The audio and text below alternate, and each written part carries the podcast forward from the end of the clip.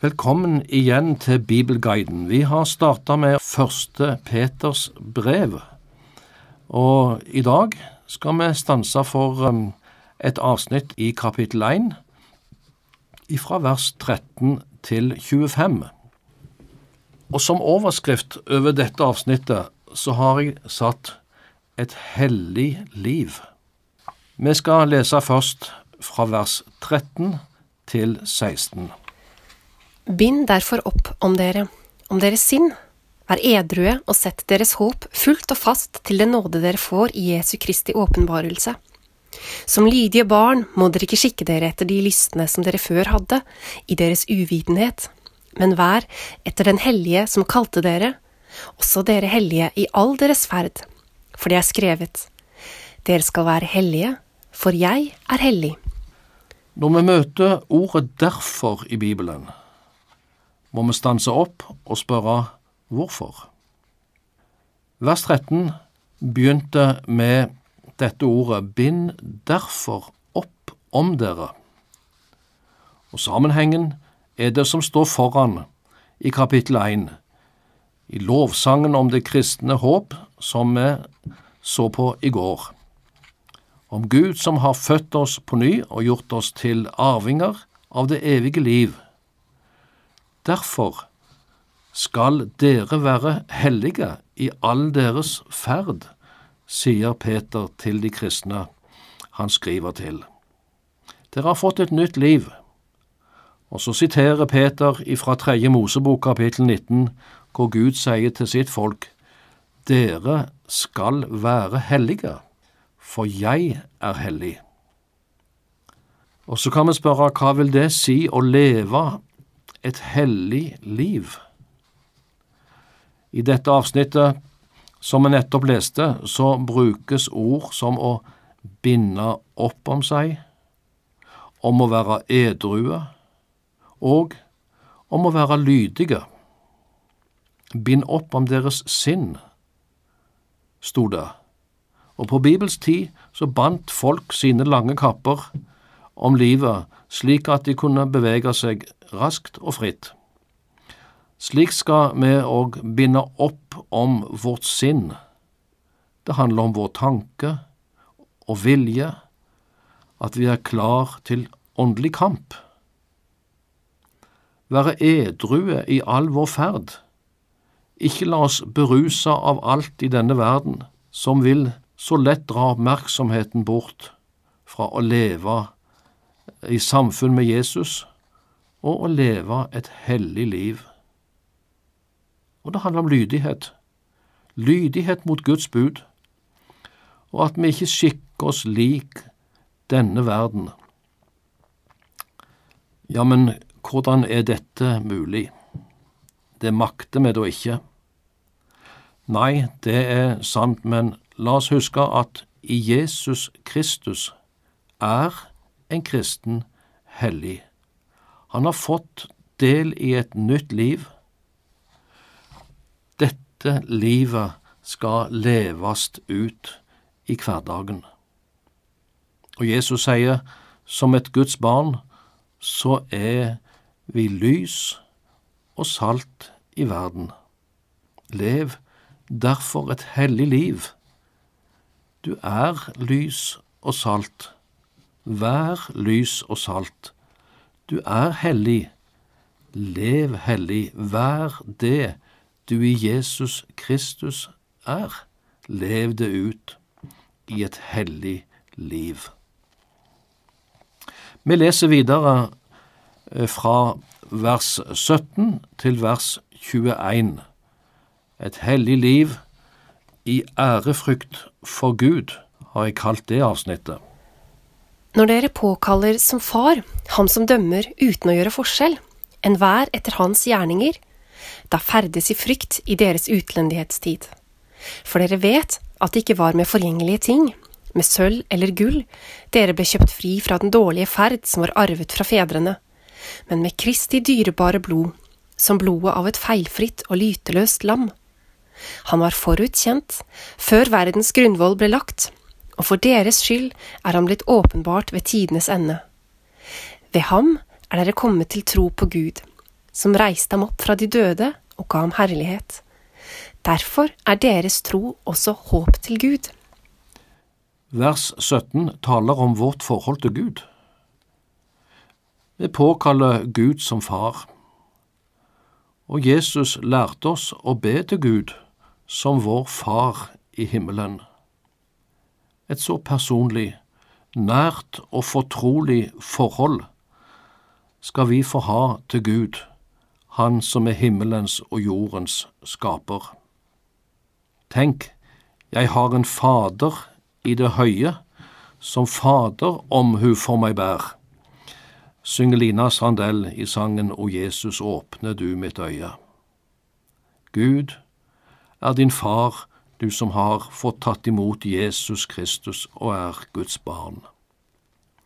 Så nevner Peter i samme vers at dere skal ferdes i frykt i deres utlendighetstid. Ja, Gud er vår far.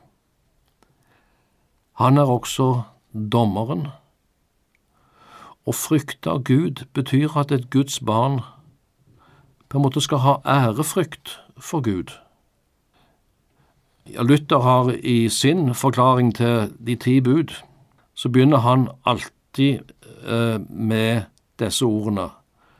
Vi skal frykte og elske Gud. Vi skal frykte og elske Gud. I møte med den hellige Gud skal vårt gjensvar være kjærlighet, ja, og ærefrykt. En ærefrykt, skal vi si en barnefrykt, en sønnefrykt, som gir seg utslag i at vi ønsker å leve etter Guds vilje og ære Han med våre liv. Det er ikke trellefrykten som er redd for sin herre. Nei, det er en ærefrykt, en kjærlighet til Han som er himmelens og jordens skaper, og som er min far. Bibelen taler mye om Guds frykt, og en kan kanskje spørre seg er det blitt et fremmedord blant oss som er kristne i dag. Vers 18 starter slik, for dere vet. Og så får vi høre grunnen til at vi skal leve et hellig liv i denne verden, nemlig dette Gud ga sin egen sønn til soning for våre synder. Jesus ble vår stedfortreder. Han kjøpte oss fri fra synden, dommen og døden. Og betalingsmiddelet, ja, det er Jesu dyrebare blod. La oss aldri glemme at vi er dyrt kjøpte. Gud måtte gi det mest dyrebare han hadde, sin egen sønn, han som ikke visste av synd. Han ble gjort til synd for oss. Han som var et feilfritt og lydløst lam. Og denne frelse, den var nøye planlagt. Han var forutkjent, står det om Jesus i vers 20. Ja, før verdens grunnvoll ble lagt, så var han der, han som er fra evighet og til evighet. Guds frelsesplan, tenk den var planlagt fra evighet av. Og så står det at den ble gjennomført ved tidenes ende. Og Det må bety at Jesu komme til jord faktisk var begynnelsen på den siste tid. Det er en sterk og kortfatta skildring av Jesu stedfortredende gjerning med møte i disse versene. Dette er det sentrale i vår tro. Avsnittet forkynner til oss at vi er dyrt kjøpte, og dette skal være drivkraften i våre liv til å ære Gud ved våre legemer, altså leve et hellig liv i kjærlighet og ærefrykt for vår Far og Frelser. Så skal vi lese versene 22 til 25 i 1. Peters brev, kapittel 1. Der har jeg satt som overskrift Et hellig liv i kjærlighet til hverandre. Rens da deres sjeler i lydighet mot sannheten til oppriktig broderkjærlighet. Elsk hverandre inderlig av hjertet. For dere er gjenfødt, ikke av forgjengelig, men av uforgjengelig sæd, ved Guds ord som lever og blir. For alt kjød er som gress, og all dets herlighet som blomsten på gresset. Gresset visnet, og blomsten på det falt av. Men Herrens ord blir til evig tid. Og dette er det ordet som er blitt forkynt dere ved evangeliet. Av et hellig liv følger også at vi elsker våre trossøsken. Det er som Peter vil si, siden Jesus har vært så god mot dere, så skylder dere òg å være god mot hverandre. Jesu kjærlighet til oss skal være drivkraften til at vi elsker hverandre. Ordet broderkjærlighet brukes i vers 22. Det betyr rett og slett kjærlighet til medkristne, og det brukes om begge kjønn om søskenkjærlighet. Som kristne, som gjenfødte mennesker, er vi kommet inn i et søskenforhold til hverandre. Gud er vår far, Jesus er vår bror, og vi er brødre og søstre i Kristus. Se hvor de elsker hverandre, ble det sagt om de første kristne. Og så kan vi gjerne spørre, kan det sies om oss kristne i dag? De siste tre versene i dette kapitlet handler om Guds ord. Og det første som sies her om Guds ord, er at det var ved Guds ord dere ble gjenfødt. Det er et levende ord. Guds ord, det skaper liv der hvor det tas imot i tro. Og evangeliet om Jesus er et budskap som er en kraft til frelse for hver den som tror. Og det andre som sies om Guds ord her, det er at det er uforgjengelig. Det er et ord som lever og blir, ja, det blir til evig tid. Alt annet skal få gå, men Guds ord forblir. Jesus sa det samme, himmel og jord skal få gå, men mine ord skal aldri få gå. Og det er dette ord vi har i vår bibel, som er forkynt og ble forkynt både for de kristne i, i Tyrkia på Peters tid, og som vi skal få lese og dele med hverandre i dag.